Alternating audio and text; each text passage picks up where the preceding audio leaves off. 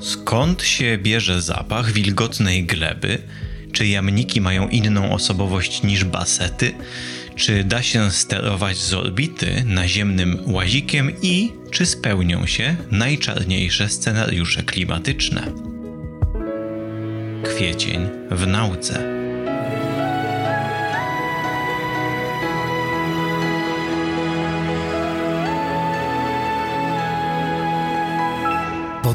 Powszechny. Weź, słuchaj. Dziękujemy patronkom i patronom za wsparcie. Dołącz do grona dobroczyńców podcastu Tygodnika Powszechnego w serwisie Patronite. Y, cześć i czołem, szanowni państwo, tu Łukasz Lamża i kolejny przegląd newsów naukowych. Tym razem z kwietnia 2022 roku. Zacznijmy może właściwie od tego, od czego zacząłem nasze zagajenie. Skąd się bierze zapach wilgotnej gleby. Ciekawe, czy wiecie, jaki zapach mam na myśli. No nie da się go opisać. To jest zresztą typowe dla wrażeń zmysłowych, jak powiedziałby filozof. Nie da się w zasadzie dobrze opisać smaku truskawki, nie da się opisać zapachu, zapachu wilgotnej gleby. Nie da się nawet opisać, wyobraźcie sobie, koloru czerwonego. Y, tylko poprzez coś, co ktoś już gdzieś kiedyś widział, słyszał albo czuł. No więc jeśli czuliście kiedykolwiek w życiu zapach wilgotnej gleby, to wiecie, co mam na myśli, a jeżeli nie, no to marsz na pole, zwilżać glebę. Zapach wilgotnej gleby, wyobraźcie to sobie, nie jest produkowany w zasadzie przez glebę, to znaczy nie wywodzi się z jakichś cząstek mineralnych gleby, nie jest on w zasadzie zapachem y, czegoś, czegoś co moglibyśmy kojarzyć po prostu z ziemią, no chyba, że myślimy o bakteriach przeganiających nicienie.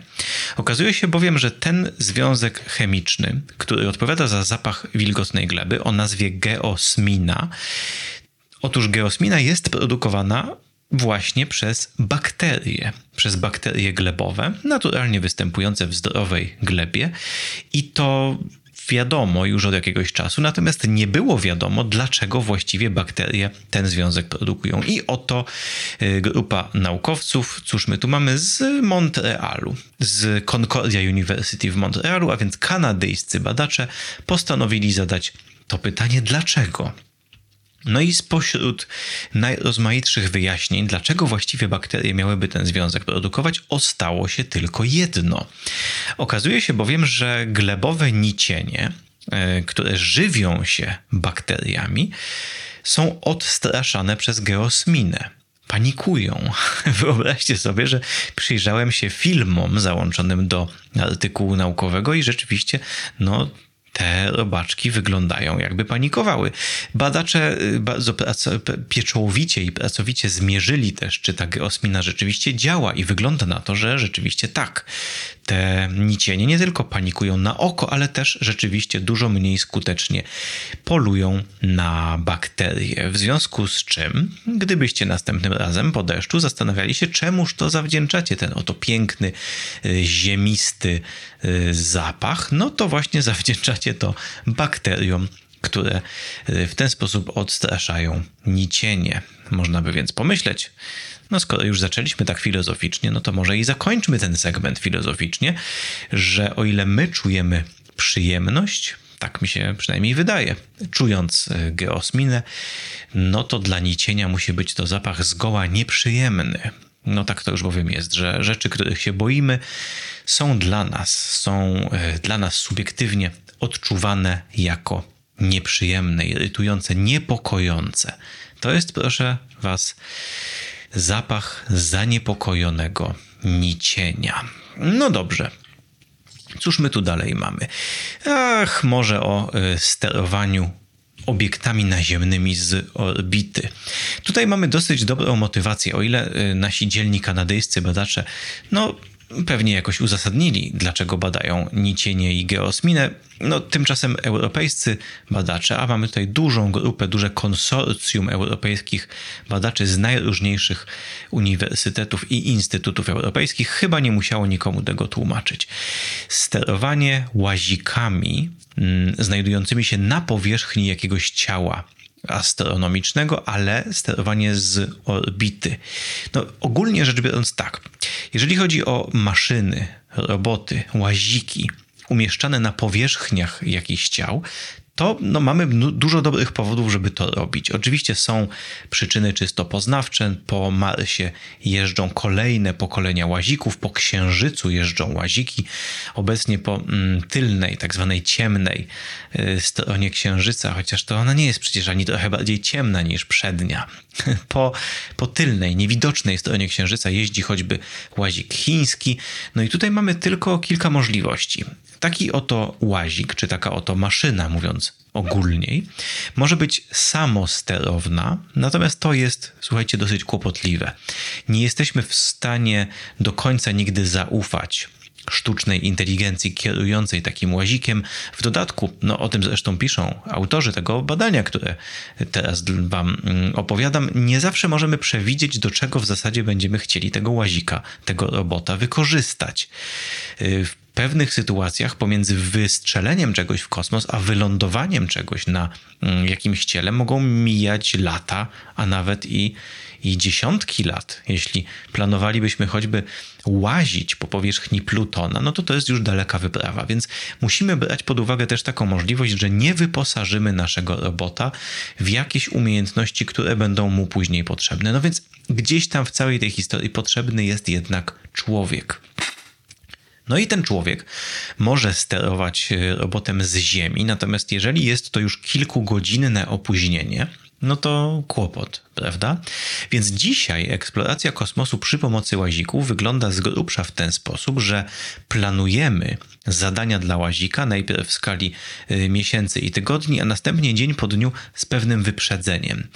Wysyłamy ten plan temuż e, łazikowi i później on jest uruchamiany. Natomiast, no, jak się łatwo domyślić, nie jest to idealna metoda i zdziwilibyście się, jak ostrożne są ruchy łazików.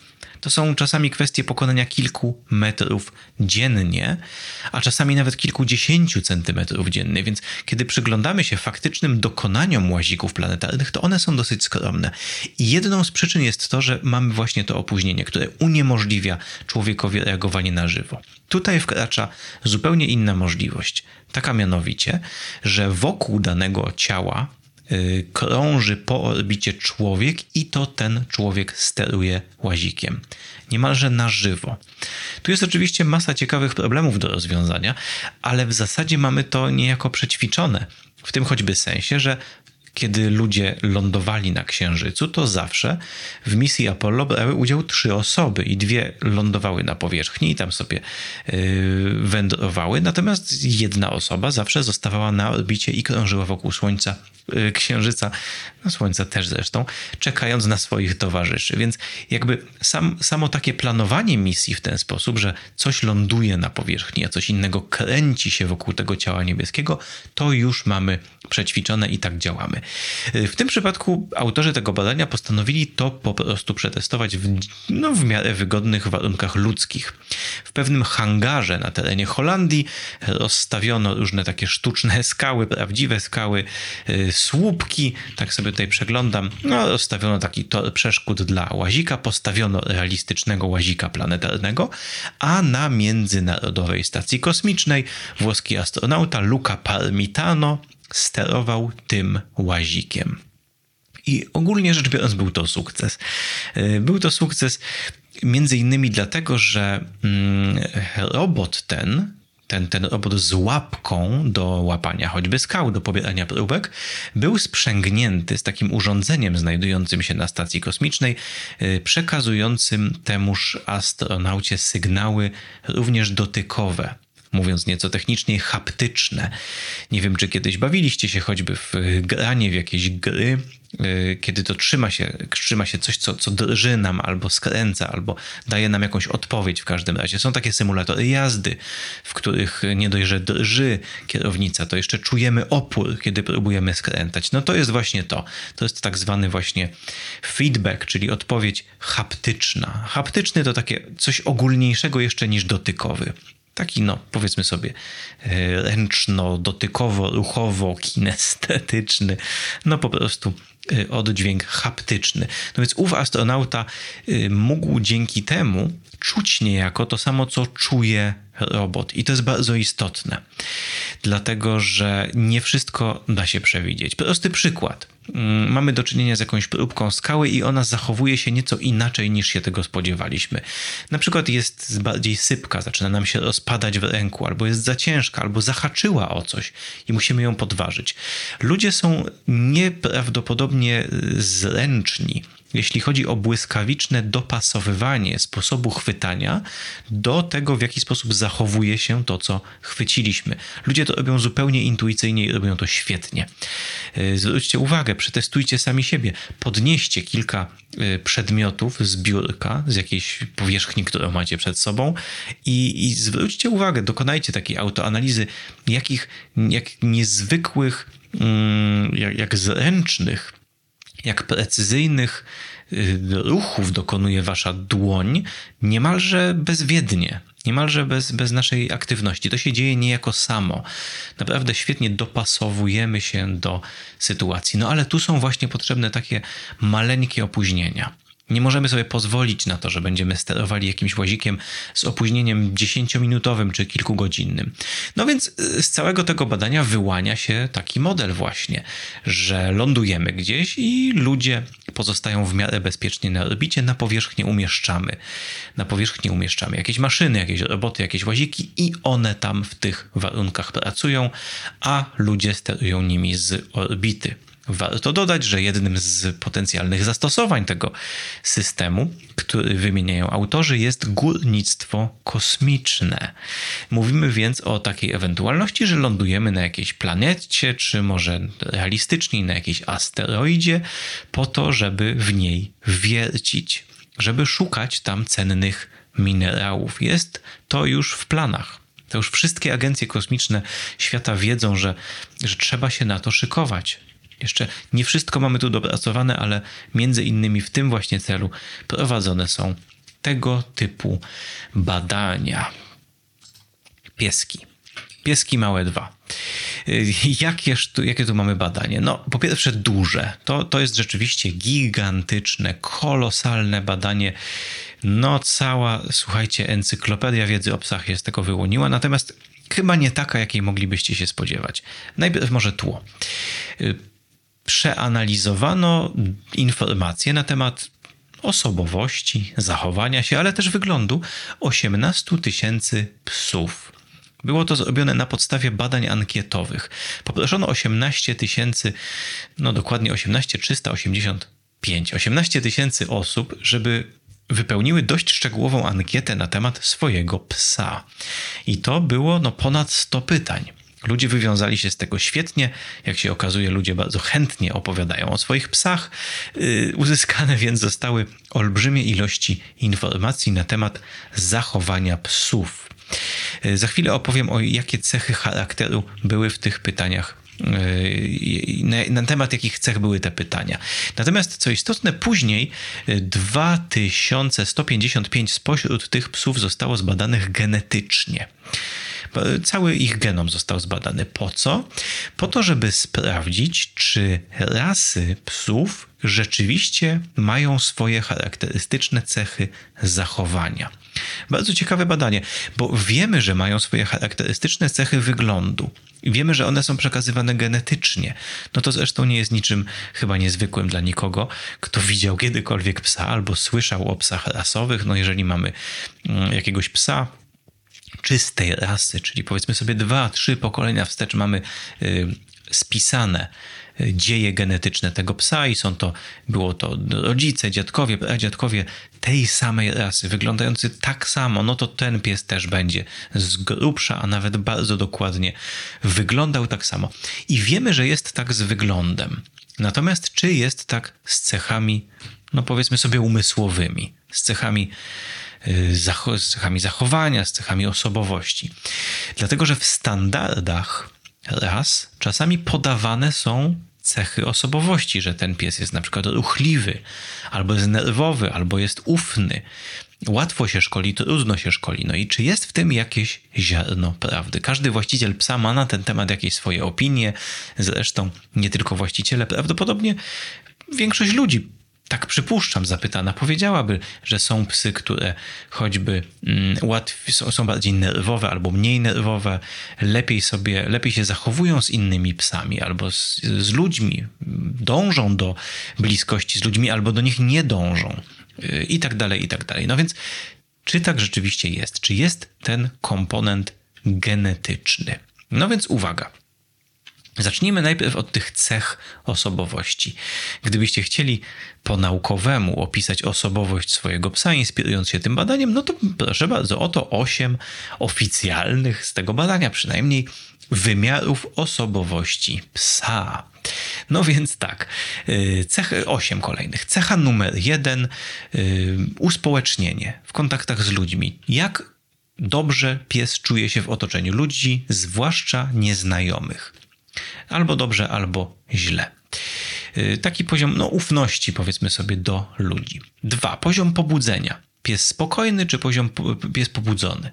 Jak łatwo, typ pytanie, jakie było zadawane, jak łatwo pies jest pobudzany w różnych sytuacjach? Czy jest raczej spokojny, czy jest raczej pobudliwy? Trzy, yy, nakierowanie na zabawki wzorce ruchowe nakierowane na zabawki, taka jest techniczna nazwa, na przykład jak często i jak chętnie pies oddaje się różnym zabawom ruchowym, zwłaszcza jak chętnie bawi się zabawkami. Cztery, y, biddability, co trochę ciężko przetłumaczyć, szkolalność, wyszkalalność. Jak łatwo jest psa czegoś nauczyć, jak łatwo pies reaguje na wskazówki ze strony człowieka. Mm, mówimy się zwykle, o, zwykle w takich sytuacjach o posłuszeństwie, a przeciwieństwem jest tak trochę no, no ładnie, niezależność, więc psy są albo posłuszne albo niezależne. Zgodnie z tym wymiarem. To był wymiar czwarty. Teraz piąty. To się ładnie nazywa próg agonistyczny, ale w praktyce chodzi o to, zresztą takie jest pytanie, jak łatwo pies daje się sprowokować przez jakieś bodźce nieprzyjemne, irytujące lub przestraszające, czyli jak łatwo psa spłoszyć. Wymiar szósty, yy, uspołecznienie w stosunku do innych psów jak pies, jak dobrze pies czuje się w otoczeniu. Innych psów, zwłaszcza nieznanych. Wymiar siódmy, zaangażowanie środowiskowe, jak interaktywny tu jest tak nazwane, jak, jak zaangażowany, jak ruchliwy, ale taki pobudzony jest pies w swoim codziennym domowym środowisku. Czy chętnie poznaje środowisko, czy jest zainteresowany swoim otoczeniem, to był wymiar siódmy. I ostatni, ósmy, poszukiwanie bliskości z człowiekiem tu mamy pies. Albo chętnie zbliża się do człowieka, albo raczej trzyma się na dystans. I w odniesieniu do, czyli badanie polegało na tym, y, te cechy zostały oszacowane dla tych 18 tysięcy psów, w tym dla tych 2 tysięcy, które zostały zbadane genetycznie. No i mamy dane o taki, mamy taki profil osobowościowy kilku tysięcy psów. A następnie poznajemy oczywiście, jakie jest oficjalnie pochodzenie rasowe tego psa. Były też oczywiście kundle, mniej więcej, no, duża była, bodajże połowa była kundli, mm, no, duża proporcja w każdym razie kundli, co było bardzo istotne, i następnie badamy genetycznie te psy. I tu się pojawia takie pytanie, no właśnie, czy rasa, do której należy dany pies, będzie miała jakiś związek z osobowością. I tutaj zastosowano taką specjalnie interesującą sztuczkę, a mianowicie wyznaczono też pochodzenie rasowe kundli metodami genetycznymi. Czyli dla każdego kundla da się wygenerować taki diagram pochodzenia rasowego. Mamy tutaj kilka takich przykładowych diagramów. Na przykład patrzę w tym momencie na takie piękne zwierzę. W artykule zresztą dużo zdjęć psów. Y, piesek o imieniu Clarence, którego naukowo, genetycznie wyznaczone pochodzenie rasowe to 29% Pitbull, 17% Labrador, 10% Chow, 9% Rottweiler, 8% Amstaff, 7% Boxer, a następnie 20 prawie procent jeszcze innych ras. Łącznie około 20 różnych ras psa, czyli normalny, porządny kundel. Ale w czym rzecz?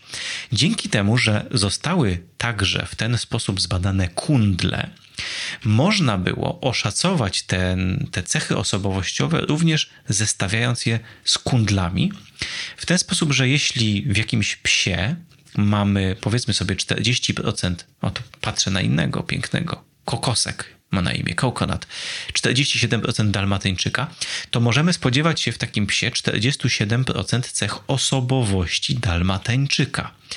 Dlaczego to jest aż takie istotne? Dlatego, że ludzie są tylko ludźmi.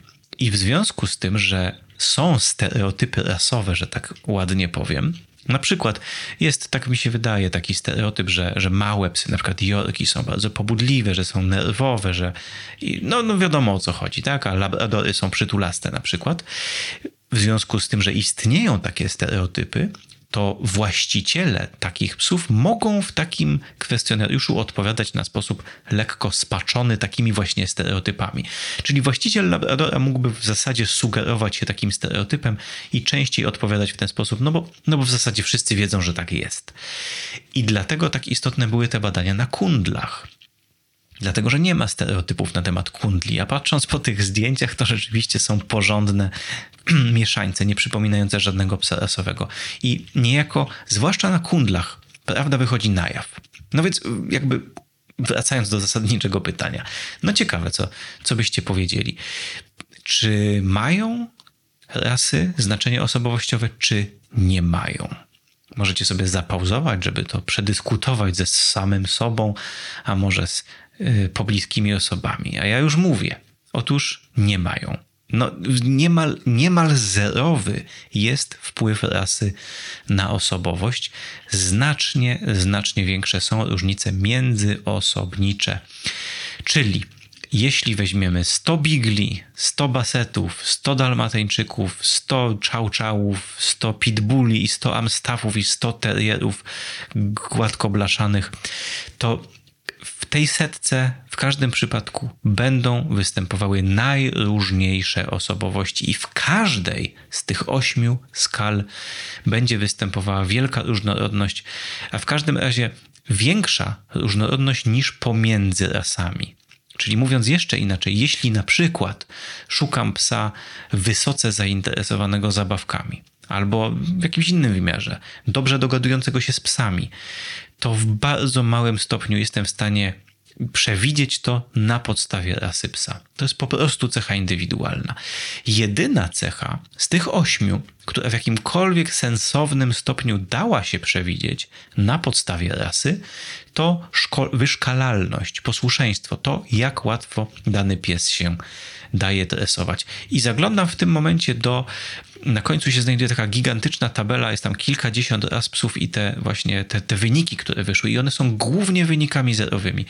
Ale w przypadku wyszkalalności no to e, cóż my tu mamy? To może wam odczytam kilka, kilka raz psów zwłaszcza jedna, dwie, dwie takie wyszły wysoko wyszkalalne.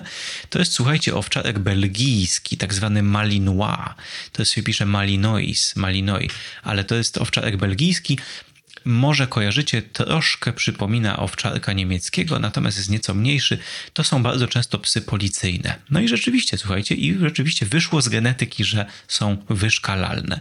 Drugi na liście wysoko wyszkalalnych psów koli, y, owczarek koli. Natomiast jest jeden, jedna rasa psa, ciekawe czy też byście odgadli, niewyszkalalna. Oni to ładnie nazywają independent, duch niezależny. To jest, słuchajcie, baset. To jest baset. Pies skrajnie niewyszkalalny, ale to i tak, słuchajcie, to i tak nie są bardzo silne efekty. Ogólnie rzecz biorąc, nie rezygnujcie ze szkolenia basetów, dlatego że są również bardzo posłuszne basety. Natomiast jeżeli byście szukali jakichkolwiek cech rasowych silnych, no to naprawdę dużo ich yy, nie znajdziecie poza sferą wyglądu. Co jest zresztą bardzo ciekawym komentarzem do dyskusji, która toczy się zupełnie niezależnie od świata psów. Zupełnie taka sama dyskusja toczy się również w odniesieniu do świata ludzi. Przecież wiemy, że ludzie różnią się wyglądem bardzo silnie i y, przez długi czas używało się terminu rasa, mówi się o różnicach rasowych. Dzisiaj powoli odchodzi się, chociaż w praktyce też to pojęcie rasy również i naukowcy, i lekarze stosują. Natomiast jeżeli tak przychodzi do poważnego mówienia o różnorodności ludzkiej, to zwykle mówimy o grupach etnicznych. To jest troszeczkę lepsze postawienie sprawy, dlatego że rasy, te tak zwane rasy kolorowe, czyli rasa biała, żółta, czerwona, czarna i tak dalej, mongoloidalna, kaukaska, negroidalna, jakkolwiek by ją nazwać, to nie są zbyt dobre nazwy, bo pod pod każdą taką nazwą kryją się jednak bardzo różnorodne grupy, więc etniczne, grupy etniczne.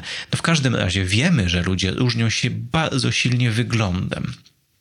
Ludzie są znacznie wyżsi jako przedstawiciele jednej grupy etnicznej od innych, kolor skóry choćby, kształt nosa, wiele, wiele innych rzeczy, cechy fizyczne. No i tu się pojawia pytanie, jak z cechami umysłowymi? Czy też występują tak silne różnice w cechach osobowości. I co ciekawe, w badaniach, bardzo podobnych zresztą badaniach, tylko przeprowadzanych z udziałem ludzi, wychodzi w zasadzie to samo, co w przypadku psów. A mianowicie, że cechy osobowościowe, na przykład cechy umysłowe, y, cechy takie jak inteligencja, cechy takie jak właśnie poziom pobudzenia, ciekawość, różne wymiary osobowości wychodzą bardzo mało skorelowane z, z cechami z pochodzeniem rasowym, z pochodzeniem etnicznym. Dużo większa jest różnorodność wewnątrz danej grupy etnicznej czy grupy rasowej niż pomiędzy.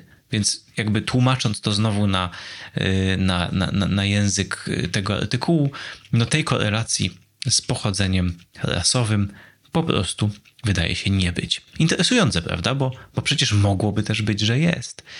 Więc wygląd i osobowość no taki ciekawy komentarz, bardzo humanistyczny chciałoby się powiedzieć, potwierdzony tym razem y, na psach.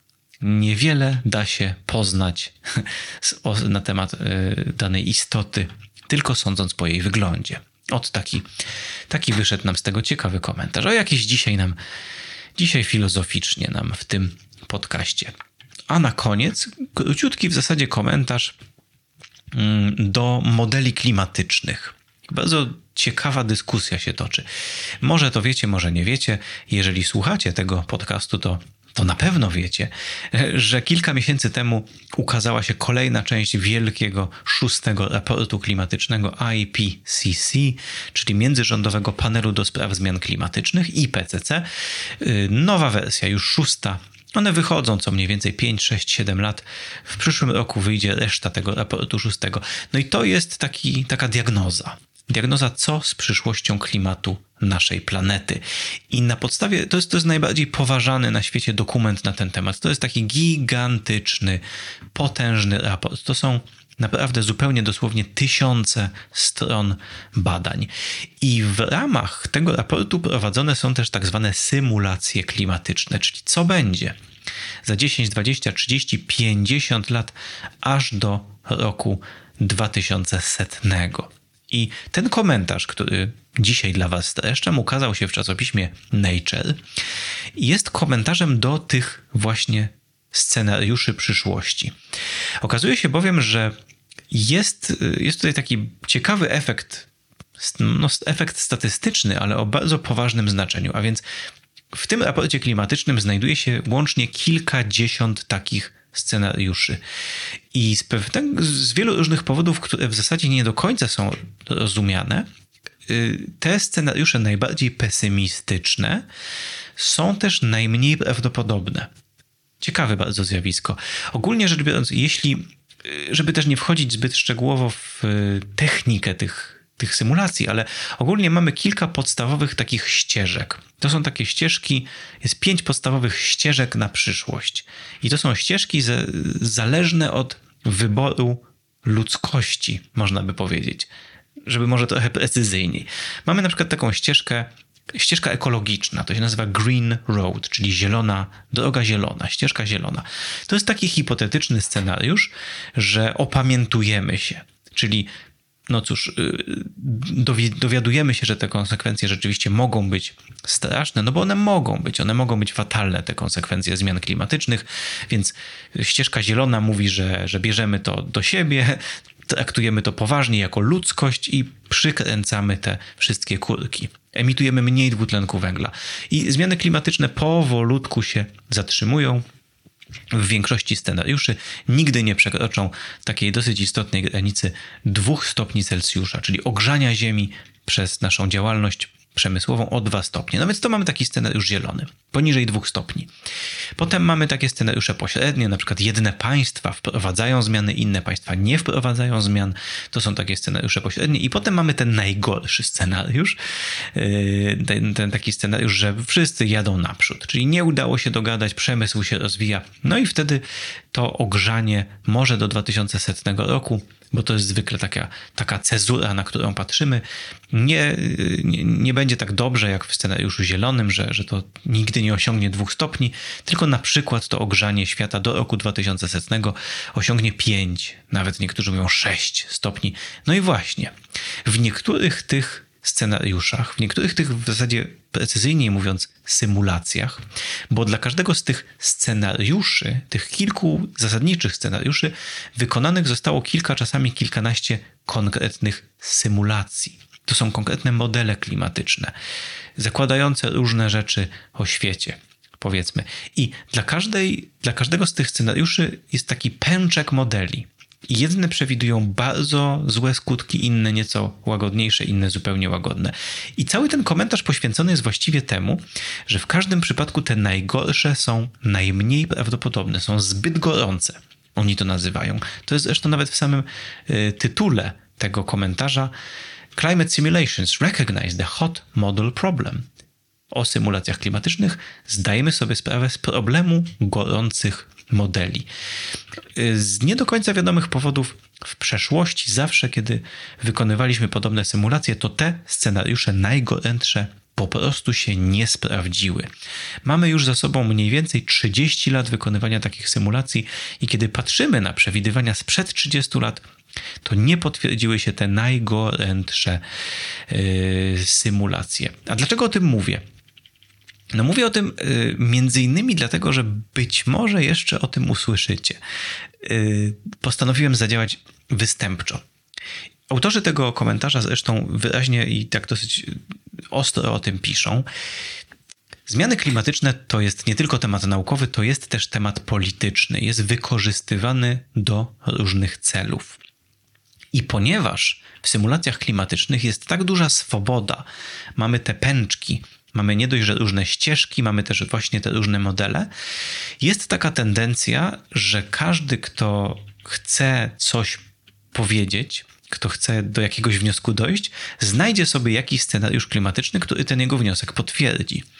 A więc są na przykład tacy ludzie, którzy mówią: E, tam jakie zmiany, głupoty jakieś, co tam nie będziemy się niczym przejmować, wszystko będzie ok, to wszystko spisek.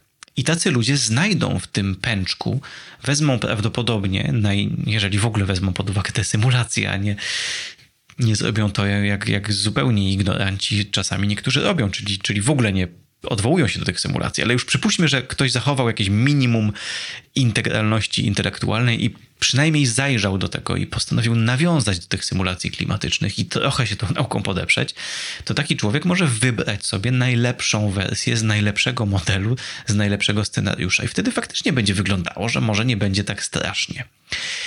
I to jest jedna możliwość. Natomiast jest też ta druga możliwość, taka mianowicie, że ktoś z jakiegoś powodu, z powodu może publicystycznego, może z powodu politycznego, może z powodu finansowego, bo to przecież też jest biznes, po prostu postanowi, spróbuje przekonać nas wszystkich, że wszyscy umrzemy. Ja widziałem to, ja jestem dziennikarzem w miarę śledzącym to, co się y, publikuje na ten temat i moi koledzy, koleżanki dziennikarze czasami nie boją się pisać takie rzeczy właśnie, że no, symulacje pokazują, że wszyscy wyginiemy, że, że przeżycie ludzkości stoi pod znakiem zapytania i cytują te najczarniejsze wersje najstraszliwszych modeli z najgorętszego scenariusza. No więc ten komentarz poświęcony jest jakby temu, żeby, żeby przekonać czytelników, że w zasadzie niemal na pewno nie będzie aż tak źle jak w tych najgorszych scenariuszach. Y, są teraz może, żeby była z tego jakaś korzyść dla Was, jakaś jedna liczba. Jedna liczba, którą, którą może spróbujmy jakoś y, zapamiętać, to jest to ogrzanie, to jest to podniesienie się temperatury do roku 2100. Przy, jeszcze tak dla pewności mierzymy to względem epoki przed rewolucją przemysłową. Powiedzmy sobie XIX wiek. Rozhulała się właśnie wtedy rewolucja przemysłowa. Na początku XIX wieku nie spalaliśmy jeszcze tyle węgla, tyle ropy naftowej, paliw kopalnych, więc względem tego poziomu, względem ówczesnego poziomu średniej światowej temperatury, jak to wszystko wygląda? No, obecnie jesteśmy mniej więcej na poziomie 1, czyli od tego czasu średnia temperatura globu wzrosła o 1 stopień Celsjusza. To się może wydawać niewiele, ale to naprawdę jest dużo.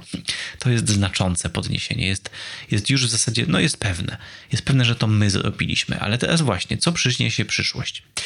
I gdybyście chcieli tak sobie zapamiętać, jakie są te godne zaufania liczby, to wygląda to mniej więcej tak. I czytam w tym momencie wprost z takiego z, z, diagramu, który został zamieszczony w tym komentarzu w Nature, jako takie wartości najlepsze, tak zwane best estimate. I to, I to piszą ludzie, którzy to robią. Można im, myślę, zaufać. No więc jest też oczywiście pęczek. Ale jak ten pęczek wygląda? W ścieżce, w tej tak zwanej ścieżce pierwszej, czyli w, ścieżce zielonej, przypuśćmy, że wszystko, że tak powiem, ogarnęliśmy się, to to podniesienie temperatury w roku 2100 będzie tuż poniżej 2 stopni, gdzieś między 1,5 i 2 stopnie. 1,5 stopnia najlepsza możliwość, 2 y, stopnie y, powiedzmy sobie realistyczna co i tak może wywoływać i wiemy, że wywoła sporo kłopotów, ale no powiedzmy sobie, no tak to wygląda. Takie scenariusze pośrednie to są 3 stopnie ogrzania, powiedzmy sobie 4 stopnie ogrzania do roku 2100, to no, powodujące coraz więcej problemów. Ten najgorszy, czyli scenariusz piąty, SSP5, nieco poniżej 5 stopni Celsjusza podniesienia temperatury. I dlaczego to mówię? Dlatego, że żadna z tych głównych ścieżek nie prowadzi wyżej, nie prowadzi do większego podniesienia temperatury. Tymczasem w całym tym pęczku wszystkich modeli w raporcie klimatycznym są i takie, które przewidują 5, 5,5, 6, 6,5, 7, 7,5, nawet niemal 8 podniesienie temperatury o niemal 8 stopni Celsjusza. Czyli zobaczcie, poza tym realistycznym zakresem, tym naprawdę dobrze udokumentowanym naukowo, naprawdę jest olbrzymie poletko do straszenia. Tymczasem mówią autorzy tego komentarza, nieuzasadnione. Nie, nie będzie aż tak źle. Natomiast śpieszą oni z wyjaśnieniem. Warto podkreślić, że globalne ocieplenie jest poważnym zagrożeniem i nie dajcie sobie wcisnąć kitu, że nie jest. Więc ten mój komentarz też, to, to dlaczego to streszczam? Właśnie między innymi dlatego, że mam takie przeczucie, że może się zdarzyć tak, że ktoś, kto chce namieszać, kto, komu nie do końca na sercu jest yy, prawda, może przeczytać ten komentarz i być może w najbliższych dniach i tygodniach, a może już to słyszeliście, pojawią się takie, pojawią się takie komentarze, o, że w Nature napisali, że wcale nie, nie będzie podniesienia temperatury. Naukowcy piszą w Nature, że, że nie spełnią się y, przewidywania z, z, modeli klimatycznych. No, no teraz mam nadzieję, że już wiecie, co tak naprawdę głosi ten komentarz z Nature. Będzie ogrzanie, może ono być duże, a jakie ono będzie, zależy od nas. Największym, niemal jedynym źródłem niepewności na temat tego, co się wydarzy w XXI wieku, czy będzie to w miarę łagodne jakieś tam ogrzanie, z którym się jakoś tam, y, z którym sobie poradzimy, czy będzie to naprawdę fatalne, naprawdę kłopotliwe, y, przynoszące tragedie ludzkie na, na całym globie, no to zależy właśnie od nas, ludzi. No i tak. I tak to mniej więcej wygląda. I na tym zakończymy. Dzięki. Dzięki, że byliście ze mną w kolejnym nagraniu, w kolejnym podcaście z cyklu Miesiąc w Nauce. Dziękujemy podcastowi powszechnemu za e, udostępnienie tego, za zorganizowanie tego. No a jeżeli mielibyście ochotę wesprzeć finansowo powstawanie między innymi tego typu podcastów, no to jedną z możliwości jest choćby Patronite. Patronite. Zajrzyjcie sobie. Na serwisie Patronite jest też e, strona Tygodnika Powszechnego i również i moje wynagrodzenie za nagrywanie tego podcastu jest finansowane między innymi właśnie dzięki czemuś takiemu jak Patronite. Pisze się to Patronite. I Tygodnik Powszechny, czy też właściwie podcast powszechny. Na pewno to znajdziecie, może zechcecie jakoś symbolicznie, czy nawet niesymbolicznie wesprzeć. Ja w każdym razie na pewno będę Wam za to wdzięczny. Dzięki i do usłyszenia za miesiąc. Jeśli słuchają nas Państwo w Spotify albo w Apple Podcast, zasubskrybujcie nasz kanał. Jesteśmy też w Google Podcast i w aplikacji Lekton oraz na www.tygodnikpowszechny.pl/podcast. Dziękujemy patronkom i patronom za wsparcie.